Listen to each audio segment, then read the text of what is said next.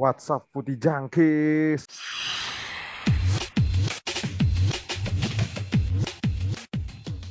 Tahu apa kamu soal bola?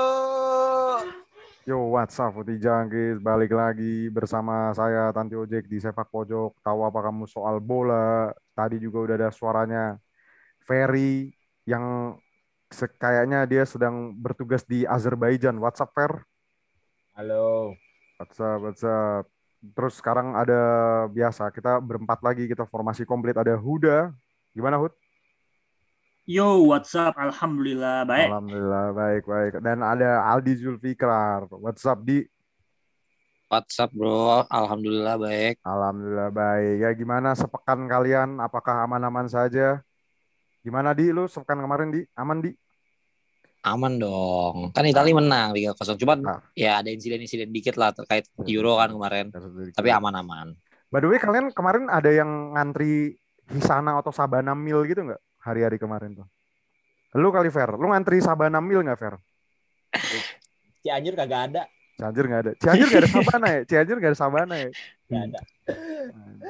Gimana di lu mengoleksi botol-botol Coca-Cola bekas gitu di? Gue um, nugget so good sih kemarin gue goreng sendiri jadi bungkusnya gue gue simpen. Oh nugget so good, nugget so good. Oke, apa Huda nih janjian nih? Huda nih janjian nih. Lu ikut ngantri Hud? Ih, lu tau lah gue kan fans garis keras Gila, Ini. apa-apa. Via Valen. Tapi emang ini Jack eh, as a Gimana, marketer, Via Valen ya, gue as, as a marketer gue ngerasa emang di bulan Juni ini yang bakal rame itu dua hal itu antara Apa? uh, kemarin yang kolaborasi meal ya, restoran cepat saji sama Euro pastinya. ya. Emang dua itu sih yang bakal rame. Iya. Tapi ya sudah, itu mereka suka-suka mereka aja sih. Gue nggak ngerti kenapa bisa selama itu. Yang gue bingung tuh, yang gue permasalahin ya, yang bikin gue berpikir, itu promonya bukan sebulan deh. Kenapa harus dihabisin sehari ya? Takut nggak kedapatan kali ya. Pengen paling cepet aja, paling cepet diupdate story. You know lah. Gue gue gue no Dan sih. akhirnya bukannya kan emang diberhentiin juga bre sama Iya, udah pemerintah nggak boleh gara-gara nimbulin kerumunan. Iya, sampai sampai restoran fast foodnya ini ada yang kesegel-segel lagi, kasihan banget ya. Tapi ya sudah, gue nggak mau berkomentar banyak mengenai itu karena gue sudah mengalami hal-hal yang nggak jelas karena mil-mil kampret itu, ya udahlah. Ya begitu juga dengan sebelum hari-hari sebelum mil itu ada yang seperti kita tunggu-tunggu. Ada Euro 2020 yang dimulai Sabtu dini hari ya antara Italia melawan Turki dan pembukaan yang sangat spektakuler dari Andrea Bocelli gila. Gue merinding sih ngeliat pembukaannya gitu. Gue gue mikir kayak kayak apa ya? Gue kira bakal penyanyi-penyanyi top gitu ya kayak kemarin Liga Champions itu ada Marshmello atau nih jangan-jangan siapa tahu ngundang Nasar kan diangkat-angkat. Ternyata Andrea Bocelli cuy, Andrea Bocelli. Gitu. Gimana kalian kalian ada yang nonton openingnya Euro nggak? Lu kemarin nontonnya Fer openingnya Euro Fer? Kagak. Orang gue baru langganan tadi eh, kemarin gimana. Tapi gue kemarin juga yang pas langga eh yang pas pembukaan nggak nonton di Mola sih. Gue nontonnya di TV swasta sih di RCTI kan. Jadi gue ya udahlah. Tapi gue akhirnya langganan Mola juga gitu loh. Dan tadi juga udah disinggung Aldi nih, udah disinggung Aldi. Italia men menang secara meyakinkan 3-0. Itu gimana di lu apa ada tanggapan di? Apakah lu masih yakin Italia ini bisa melangkah melangkah jauh di? Ini gue nggak tahu ya. Maksudnya Italinya Iya. yang mainnya terlalu overpower atau Turkinya yang main jelek, kelewat jelek. Gitu. Iya gue ngerasa wah itu rumah kopinya udah habis dua bungkus pak. iya sih kayaknya dia nongkrong kayak Nganggur anjir Iya nganggur kayak. di belakang. Iya maksudnya eh, yang yang gue soroti ya Italia itu Iya. kemarin di tengahnya solid banget sih. Trio gue gak nyangka Locatelli juga perform gitu. Hmm. Kayak Barella, uh, Jorginho sama Locatelli-nya oke banget. Kalau lu perhatiin tiga golnya semuanya berangkat dari Barella yang yang ngasih ruang antara ke kanan atau ke kiri. Hmm. Yang yang ke Immobile gol kedua, yang uh, gol ketiga juga ke Spinazzola dan, dan Hmm. seterusnya lah ya. Atau eh, balik sorry, balik be. Jadi artinya uh, midfieldnya solid banget. Terus ditambah Hmm. kemarin performanya Spinazzola juga uh, layak dia diacungi jempol. Tapi gue nggak tahu ya kenapa dia sampai man of the match gitu. Bagus Hmm. iya, tapi kayak kalau untuk man of the match gue rasa kayaknya Immobile lebih deserve sih.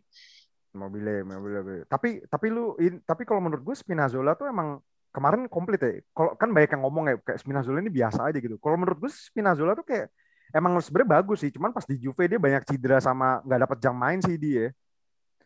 Iya benar. Yang dipakai Alexandro kan Juve. Karena lebih eksplosif kali ya Alexandro. Mm-mm. Kalau Spinazzola kan agak hati-hati tuh mainnya.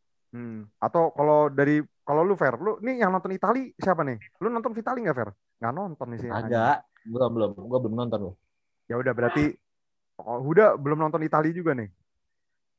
Gua enggak juga sih. Gua gua nonton highlight sih. Hmm. Gua baru start nonton tuh yang kemarin yang ini yang Kroasia, eh Kroasia aja. Denmark. Denmark, Denmark. Denmark baru mulai nonton eh ada kejadian gitu. Iya. Nah kalau kalau gue Tapi sih ngomong-ngomong ngomong-ngomong Itali, eh gua rasa kayaknya itu Itali bisa dibilang jadi kuda hitam juga ya. Soalnya eh da- apa sih?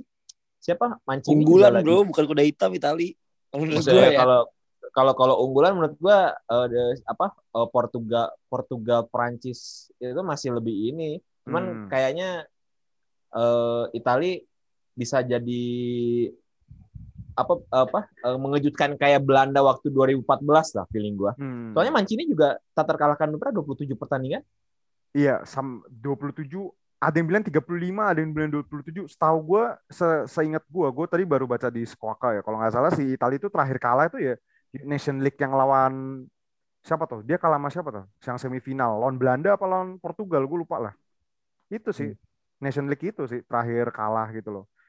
Cuman kalau gue bilang ya, maksudnya Italia ini mainnya tuh very very tidak sangat tidak Itali banget nggak sih di kalau lu ngeliat Italia waktu kemarin main di Eh, tapi tetap berasa Itali sih karena Hmm. hati-hatinya itu. Nah gue curiga kemarin Turkinya yang terlalu main jelek menurut gue ya. Jelek Turki banget jelek Turki banget sih. mainnya. Iya, Turki jelek, Jelek banget, banget asli. Jelek banget. So- soalnya gue sempat ngerasa kayak kan gue nonton-nonton juga tuh kayak sebenarnya Italia tuh banyak lost ball gitu loh, salah passing. Salah passing bener. Gitu, salah tapi- passing. Hmm. Iya, tapi Turkinya juga lebih parah lagi anjir gue gak tahu ya apa karena partai buka Euro jadi pada grogi kali mainnya.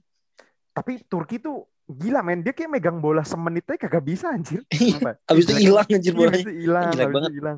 Kalau dilihat cek kayak chance created-nya gitu-gitu aja, positionnya kalah jauh gitu loh.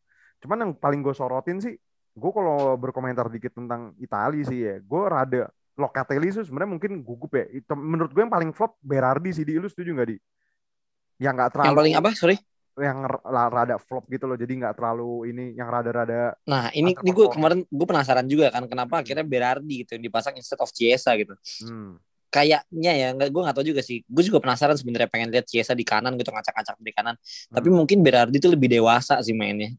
Gue ngeliatnya kemarin gitu. hmm. Sebenarnya ada gol pertama itu kan awal dari Barella umpan ke Berardi, Berardi, Berardi crossing kan. Hmm. Begitu juga sebenarnya sama gol gue lupa gol Spinazzola kan gol yang yang sorry yang, yang apa namanya Spinazzola eh, rebound Immobile Iya. Hmm. itu kan juga dari Berardi kan. Hmm, hmm. Itu sebenarnya Iya, dari salah kiper juga sih? Salah buang gitu kan? Iya salah kiper juga. Cuman artinya menurut gue Berardi meskipun kelihatannya jelek ya, tapi sebenarnya kontributif gitu. Hmm.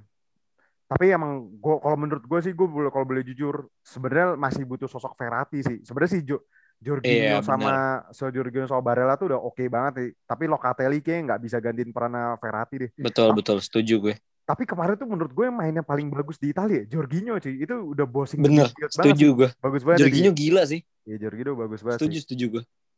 Terus gue juga mikir ya, kok bisa pemain kayak gini kemarin sempat diparkir Lampard ya, yang dimainin Billy Gilmore anjir nih Lampard nggak jelas anjir Billy Gilmore. Apa apa Jorginho? Tapi ada yang kocak? Jack yang pas udah agak-agak akhir pertandingan kan Lord kita masuk tuh si Berna. Bernardeschi. Oh, iya anjir. Ya Allah baru dua dua kali shoot apa dua kali Udah megang salah bola dua passing kali ya? salah passing. Iya anjir. Tapi sebenarnya Berardi tuh banget, eh. Berardi tuh juga ada momen-momen kocak yang corner cuy, paling gak jelas cuy. Oh iya anjir lu ngapain dah? Iya itu ngapain anjir gue mikir nih ngapain anjir nggak offset lah. Cuman ya Itali akhirnya meyakinkan menang 3-0 nih.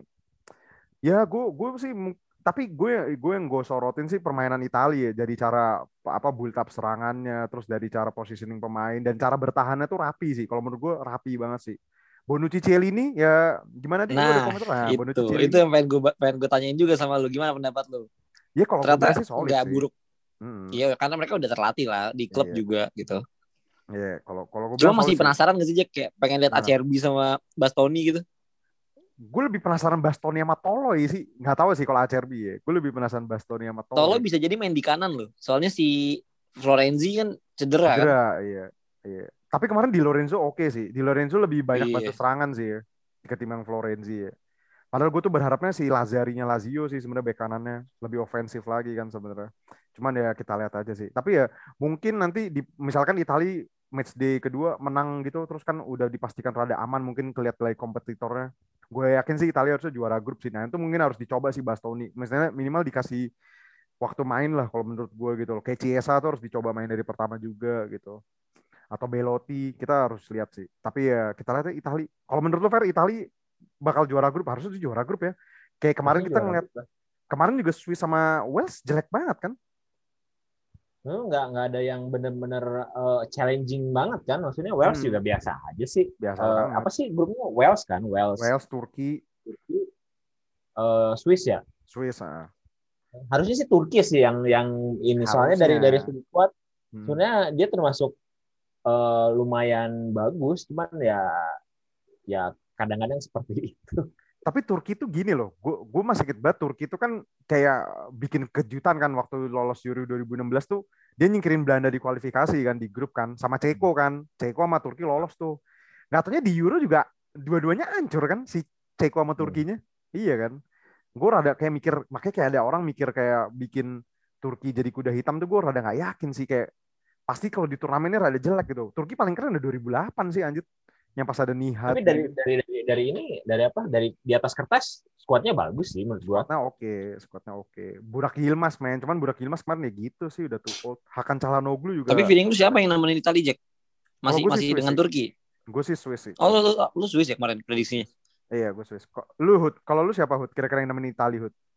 Kayaknya masih ada kemungkinan Turki sih. Turki bisa harusnya bisa sabu bersih lah di Harusnya sisa sih. dua ya. Kalau masih ada chance untuk posisi kedua ngambilnya. Hmm. Tapi kan gue ya will sempet, sih lah. Menurut gua ya tadi bener sih menurut gua Hmm. Turki. Turki itu kan sebenarnya dalam kompetisi kayak gini kan dia suka kasih kejutan kan buat tim-tim gede gitu kan. hmm, Di Euro yang yang gue gue sempat kita sempat bahas yang episode lalu tuh yang zamannya 2008. Kaveci itu lawan Nah. Ceko ingat nggak sih? Iya lawan itu. Waktu itu gue ingat dulu. Hmm. Yang itu tuh 2000 berapa sih? 2008. 2008 ya? Iya Ya, 2008. iya itu. Terus atau nggak flashback sedikit lagi yang eh, Piala Dunia 2002 lah gitu Nah. kan. Jadi sebenarnya ya bisa dibilang ada chance lah walaupun ya ternyata tadi babak belur opening anjir. Benar-benar Iya. parah sih emang gitu. Penguasaan bolanya kagak ada, syutingnya Iya. juga nggak ada. Aduh, sayang banget sih. Ya sebenarnya kalau dari segi permainan sih di grup A yang paling layak harus lolos sih Itali sama Swiss sih. Gue bilang Swiss rada rada better sih. Wales nggak jelas Iya sih. kemarin agak meyakinkan sih. Tapi gue nggak tahu kenapa ya maksudnya Hmm. Wales itu pas uh, sama menit-menit akhir malah nggak ada inisiasi nyerang gitu. Gue juga bingung. Nah, itu Hampir dia. kalah tuh untung nggak offside. Eh untung Iya. offside. Untung offset kan, untung offset gitu. Cuman ya will sih lah, harusnya Tapi gue masih pede Wales lolos lu Jack. Anjir Wales man. Wales mungkin lolos peringkat tiga terbaik sih. Karena ada peringkat tiga terbaik. Kita lihat aja lah nanti. Gak tau ya, pede aja gue sama Gareth Bale kayaknya mag- magisnya masih ada deh. Daniel James Feeling lah. gua. Daniel James pemainnya Huda man. Daniel James man. Kemarin Daniel Ya, James, Daniel James juga oke. Yo yo lari doang. Iya lah, tapi Lari lari doang, kenceng banget sih.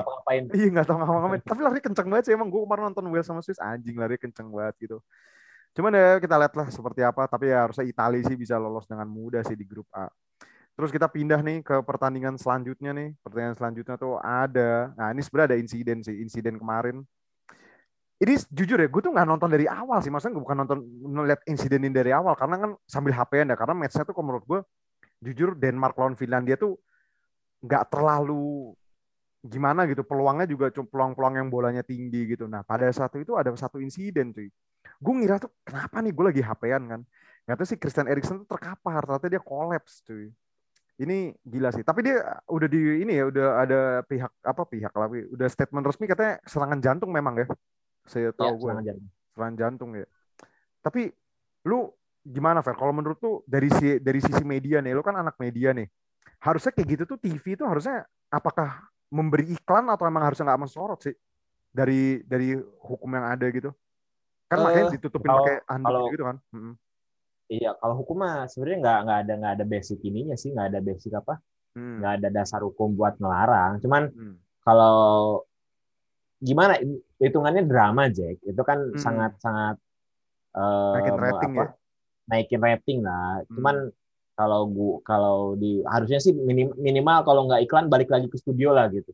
Di di di, di komentator gitu. Di, Hmm. dibilang nanti ya komentator aja yang yang apa yang laporan gitu. Nanti eh, sesekali ke apa ke ke ke lapangan dan sebagainya nggak usah full di muka apa di mukanya mereka sampai itu kan sampai dikelilingin gitu kan ditutupin Nah iya, gue tuh nonton tiba-tiba udah, udah kayak ditutupin. Ini kenapa cederanya sampai kayak gini ya? Ternyata kolaps cuy gitu. Atau gimana Betul, mungkin. eh, tapi emang penanganan cepet sih. Gue salut sama tim medical gitu. Atau mungkin dari si Aldi atau Huda ada yang mau namain. Gimana di kalau menurut lu di? Carrickson di pemain lu, Menurut Di? gue, Pemain lu. iya nih. Oh, Eh, pemain gue kemarin kan? gue jujur gue gue Iya. jujur nggak nonton ya. Sumpah gue nggak Hmm. jujur, jujur nggak nonton Denmark. Gue bangun-bangun tuh subuh subuh. Hmm. kayak, Anjir Erikson kenapa gitu? Gue liat di grup Hmm. rame banget kan. Hmm. Di Twitter juga. Terus adalah segelintir videonya masih ada aja gitu orang yang yang nge-share kan karena mungkin orang Indonesia kan masih masih kurang paham ranah privasi itu seperti apa gitu kan. Hmm. Terus pas gue liat wah parah juga sih sampai sampai yang matanya kebuka terus uh, lo udah sesak nafas gitu. Itu uh, gue appreciate juga sih buat terutama buat teman-temannya di timnas Denmark ya, Ya, iya, dan juga uh, fans Finlandia saat itu cepet banget penanganannya. Simon Kjaer tuh oke banget sih dia uh, langsung langsung buka jalur napas gitu ya meskipun nomor 5 siapa sih Delani Delane, eh Miley Delane. Miley Eh Miley, Atalanta tuh ya. Miley yang yang yang pertama dia ini kan yang pertama ngeh si Erikson terkapar langsung Hmm. langsung gerak cepet maksud gue Hmm. emang mereka mereka nggak sekedar pemain gitu mereka mereka juga tahu dasar-dasar kayak gini-ginian Nah.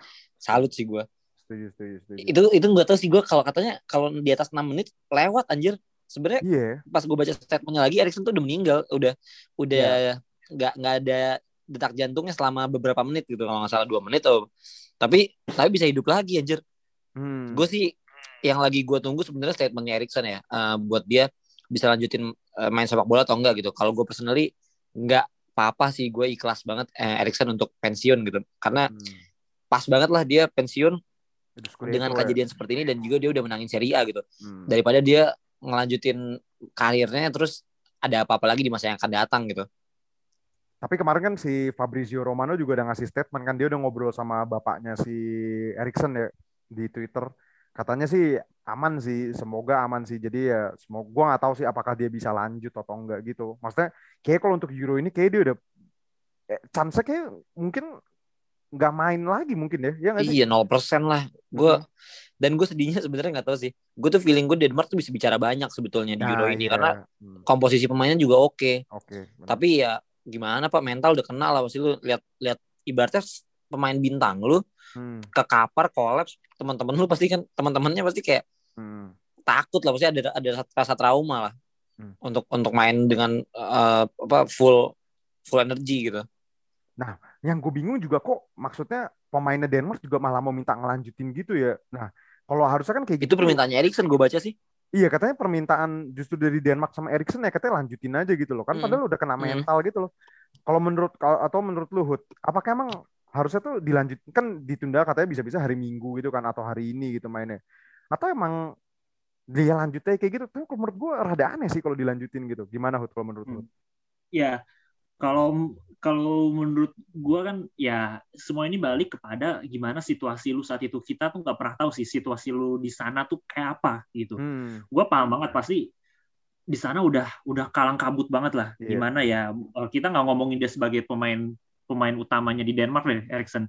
Hmm. Lu mau yang pemain cadangan pun yang nggak main pun kalau ada yang kayak gitu di lapangan itu pasti semua satu tim kena mental Hmm. itu pasti gitu kan dan menurut gua eh, itu atas dasar ke apa ya mungkin entah itu profesionalisme dari masing-masing pemain entah itu mungkin memang kayaknya juga karena ini kan Euro ini kan bawa, bawa nama negara ya bukan Hmm. bawa klub ya mungkin ada rasa sebagai lah nasional nasionalis lu gitu loh lu masih pengen tetap ngebela negara lu gitu pengen tetap memperjuangkan sampai akhir titik darah penghabisan walaupun ada temen gue yang terkapar gitu kan Hmm. jadi menurut gue eh, itu dilanjutin sih pasti ada banyak pertimbangan ke sana lah. Dan memang Iya. kita kan nggak pernah tahu sih apa yang dipertimbangkan di sana. Gue yakin sih nggak nggak ada lah yang mungkin ngejar duit. Kalau menurut gue saat itu mungkin udah nggak ada lah pikiran Hmm. kayak gitu. Cuman ya ya jadinya kan kita lagi kita jadi lebih banyak respect juga akhirnya kepada Denmark dan juga Finlandia saat itu.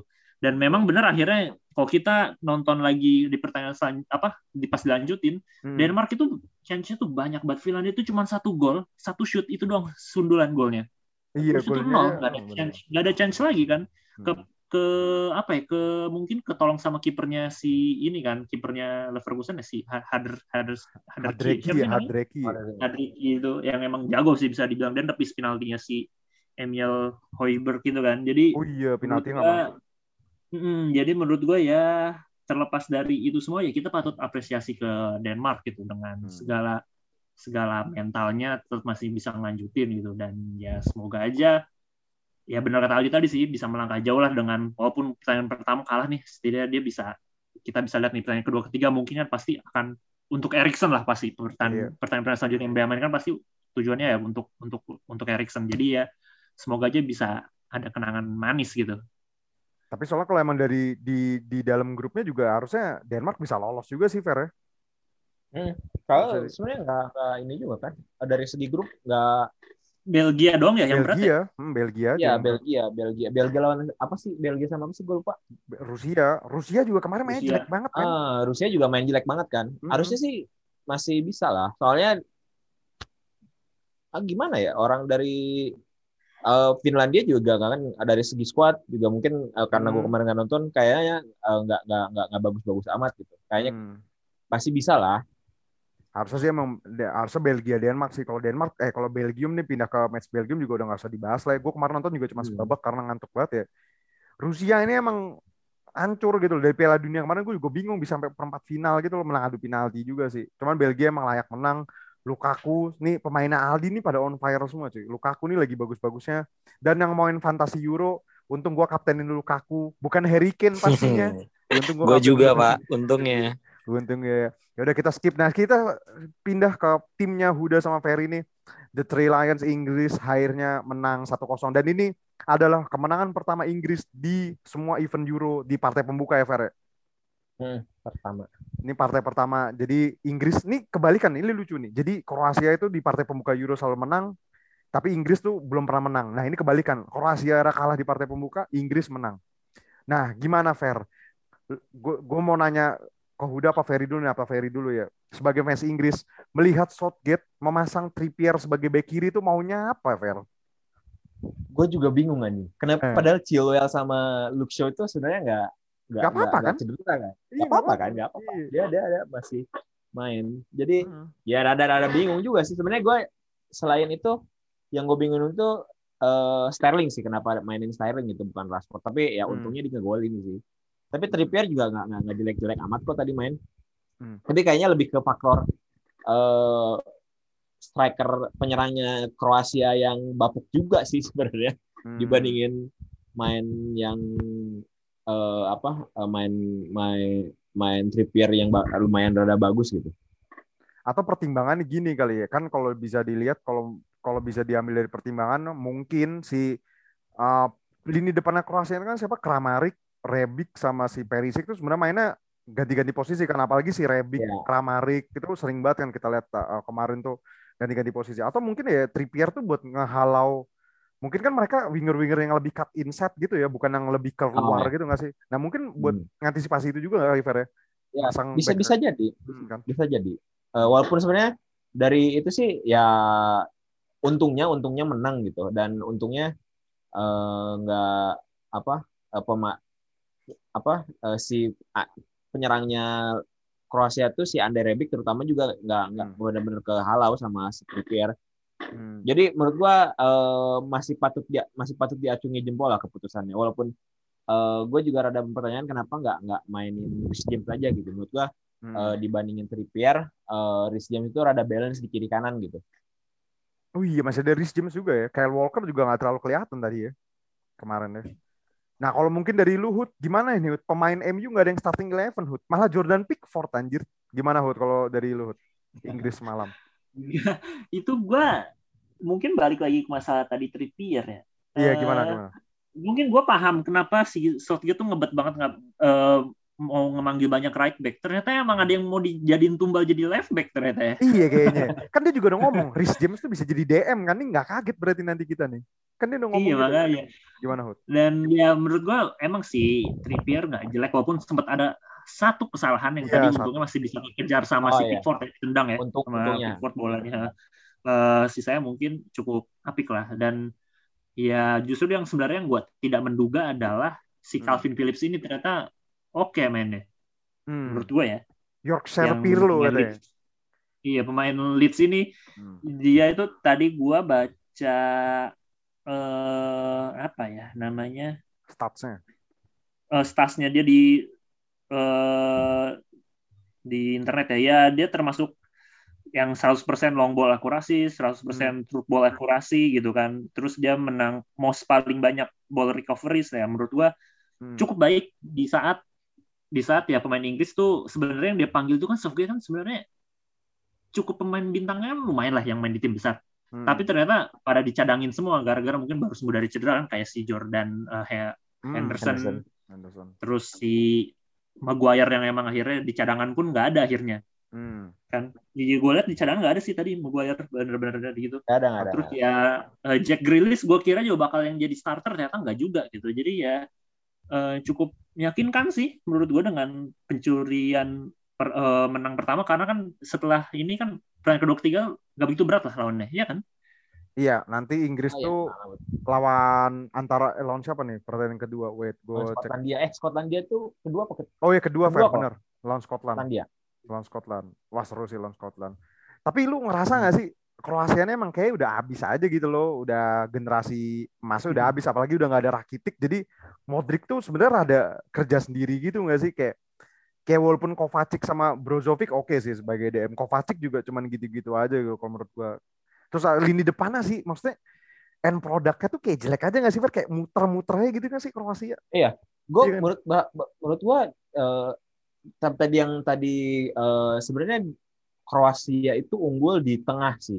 Hmm. Itu kerasa banget eh, kayak soalnya eh, Foden eh, Mount itu susah banget megang bola. Hmm. Soalnya setiap kali kalau itu mereka berdua tuh tiap kali megang bola tuh something happen gitu kan. Tapi kan Iya. karena mereka benar-benar respecting, jadi otomatis bola itu pasti eh, balik lagi ke Kroasia kan. Dan Hmm. tengahnya itu benar-benar eh, Brozovic, eh, Kovacic sama Modric itu bossing midfieldnya gitu kan si Yoi. Declan Rice, si Kevin Phillips sama Mason Mount. Yang cuman setiap kali bola ke tengah ke depan, ya itu tuh mental lagi gitu. Gue juga nggak emang emang emang jelek banget depannya gitu, kayak nggak ada vokal poinnya aja gitu. Bingung siapa yang jadi ujung tombaknya, ujung tombaknya gitu kan. Kalau waktu dulu ada si Mandzukic gitu kan. Iya. Sekarang tuh bingung dia mau mau mau, mau, mau ngapain ke depannya.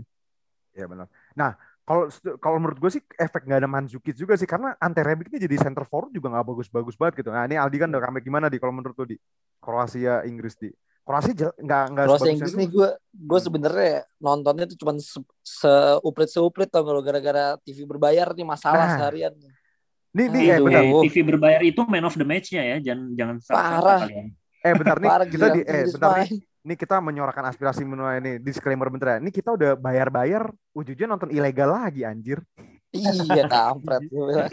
Ya gimana Nyari nih? link di Twitter. Ih, nyari aduh. dari Twitter.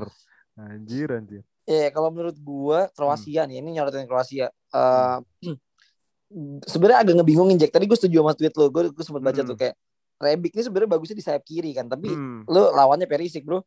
Perisic Iya. juga udah bertahun-tahun yang sering main di posisi situ. tersebut gitu kan. Iya benar. di. Itu. Sebenarnya di bench itu ada Mario Pasalic, tapi gue nggak tahu baru dimainin menit 86 anjir ngapain ya? Iya, telat banget ya Pasalik ya. Iya, Pasalic tuh sebenarnya di Atalanta aja gacor loh. Iya. Atau ini sih ada yang pemainnya Dinamo Zagreb tuh yang kemarin nyingkirin si Spurs ya siapa? Orsik. Orsik tuh kok nggak dipasang juga? Gue juga bingung tuh. Apa Bruno?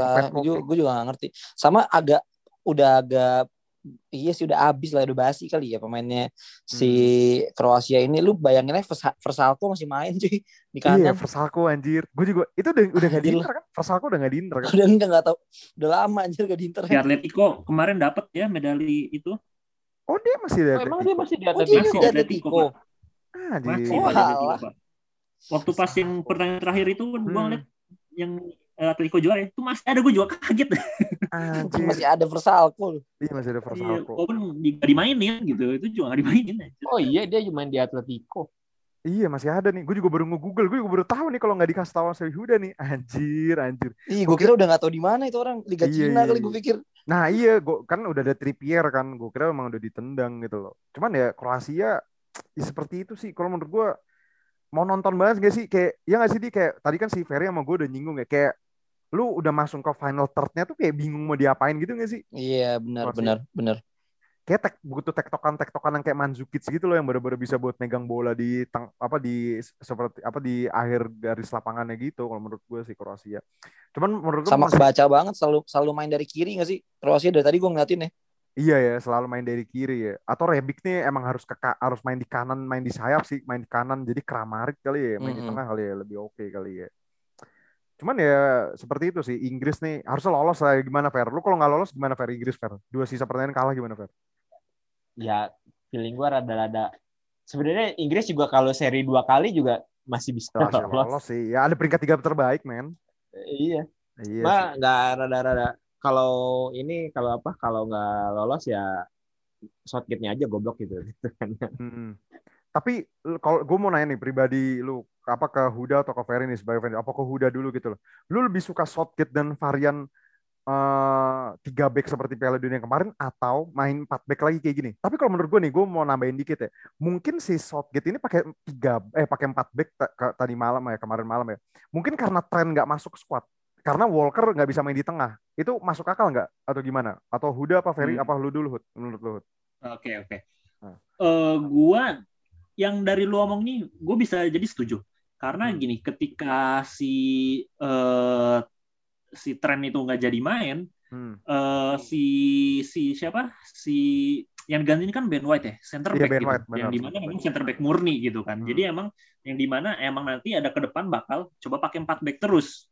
Hmm. Ya itu, entah itu ntar mungkin si Maguire, si Stones ya cadangannya si Ming sama si Ben White itu sama ada mungkin Koadi ya dia. Si Connor Coady gitu kan Hmm. paling paling belakangnya gitu kan paling apa cadangan paling akhirnya gitu Hmm. dan emang tapi tapi tanpa mau ini juga menurut gua di punya juga kesempatan si ini bakal main pakai 5 back juga nanti kemungkinan ya kemungkinan entah itu mungkin ketika udah lolos grup atau enggak karena gua sih melihat yang 2018 kemarin dengan main skema 5 back itu atau tiga central back itu Hmm. Itu memuaskan sih menurut gua. Inggris itu memuaskan. Dan emang baru pertama kali banget kan Inggris itu dengan squad yang di mana mencoba dengan tiga back sentral. Dulu dulu mana pernah ada dulu kan 4-4-2 mulu. Hmm, betul. 4-4-2 mungkin anjir klasik banget lah klasik Inggris banget kan. 4-4-2 yang di mana kalau misalkan pemain bintangnya itu eh, nggak dapat tempat nggak pada posisinya tetap dimainin tapi di posisi yang berbeda Ya gitu itu, kan. kayak dulu Lampard sama Gerrard Ini bro, gitulah. siapa? Eh, kalau 4-4-2, Paul Scholes jadi winger kiri, men. Euro Iya, 2004. nah gitu maksudnya itu tambah lagi si Paul Scholes gitu jadi winger kiri kan. Eh. Euro 2004 bukan sih itu tuh kalau nggak Iya, salah. Euro 2004 anjing jadi Iya. winger kiri anjing Iya. maksa Rooney. Owen depannya kan kayak Iya. gitu. Ya jadi eh, menurut gua eh, nanti ke depan bakal ada si variasi kayak gitu di mana mungkin si Trippier atau James yang taruh di right wing back. Hmm. Nah, Terus di kalau kirinya itu entah si Chilwell atau si Shaw gitu. kalau iya sih harusnya sih. Kalau mau lebih Walker tetap ofensif bakal jadi center back kayaknya. siapa tuh? Walker. Walker mungkin Walker, Stone sama si Maguire mungkin. Hmm.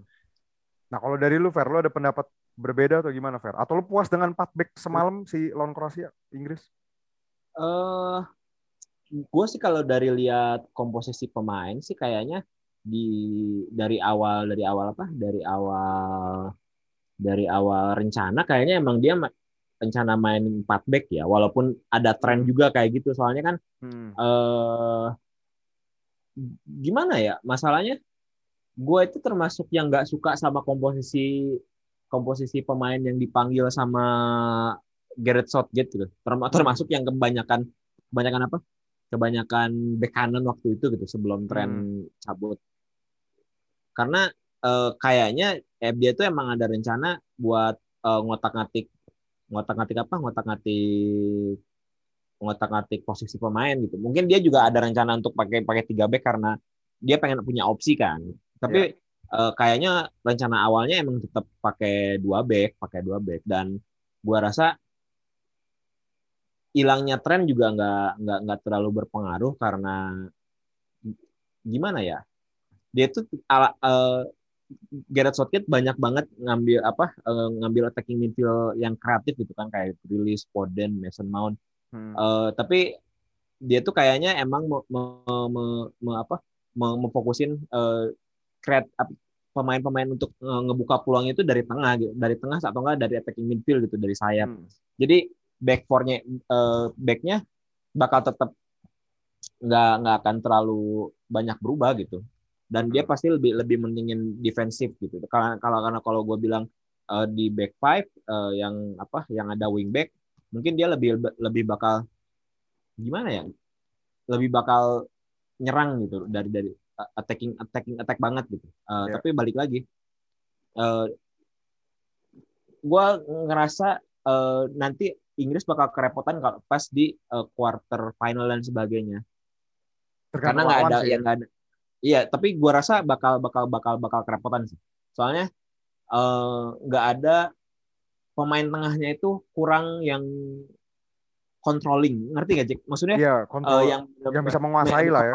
Yang bisa menguasai bola gitu. Menurut gua Hmm. ketika ke tren apa tren cedera harusnya itu jangan jangan manggil Ben White sih. Harusnya itu James White Sports apa Oh iya, James yang White Sports hmm. Pemain apa pemain Southampton. Southampton. Menurut gua harusnya dia sih. Soalnya dia malah di nge- ngebuka opsi yang lebih eh, bagus buat nge- mertahanin bola. Soalnya nanti setiap sekarang eh, pe- lawannya masih enteng-enteng. Tapi nanti ke depan Hmm. itu lu bakal kerepotan kalau lu cuma ngandelin pemain-pemain macam Mount, Foden, Grealish dan sebagainya. Ya kita lihat aja sih nanti Inggris nih apalagi 16 besar kita lihat bakal ketemu siapa karena habis ini juga lawan Skotlandia men nih pasti seru sih ini udah kayak udah kayak film Braveheart nih anjir Inggris lawan Skotlandia lagi men anjir anjir. Terus habis itu dia Derby Britania. iya derby Britania men. Terus habis itu dia bakal ketemu siapa lagi sih Inggris tuh? lawan ini apa? Ceko ya. Ceko Ceko. Ceko ya. Eh, ini menarik sih Inggris nih seperti apa. Karena ini podcast Italia sama Inggris sih. Tapi gue penasaran sih. Kita, gue tuh niatnya episode kali ini membahas MU men.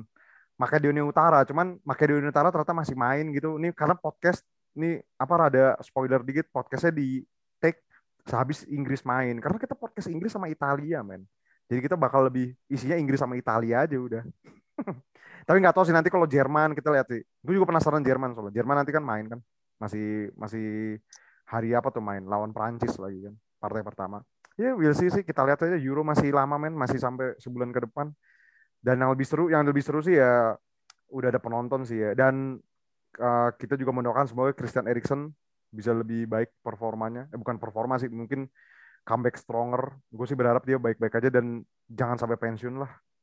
Kemarinnya sampai sedih semua kan penonton penontonnya ya gara-gara Christian Eriksen ini kan. sedih, sedih banget lah. sedih banget Kita aja yang ini nonton dari layar kaca aja sedih banget, men. Iya men, makanya jangan sampai ya semoga dia baik-baik. Tapi sih semua kemarin juga udah diinfokan kalau Christian Eriksen will be fine gitu. Gue sih berdoa sih kita semua. berdoa. Atau mungkin ada tambahan lain dari Huda atau dari Ferry? Cukup sih dari gue. Ya mungkin kita nanti Penasaran aja tuh selanjutnya gimana Itali, Inggris, dan tim besar lainnya lah. dan MU karena oh iya kita lupa ini podcast tuh khusus memperhatikan Inggris, Italia dan Makedonia Utara aja kalau di sini. Kalau di podcast ini itu aja pokoknya ini. Ya mungkin segitu aja sih episode kali ini. Episode pertama di dalam episode perdana di edisi Euro kali ini. Gue Tanti Ojek, ada Huda, ada Ferry, ada Aldi juga. I'll see you when I see you. Tahu apa kamu soal bola?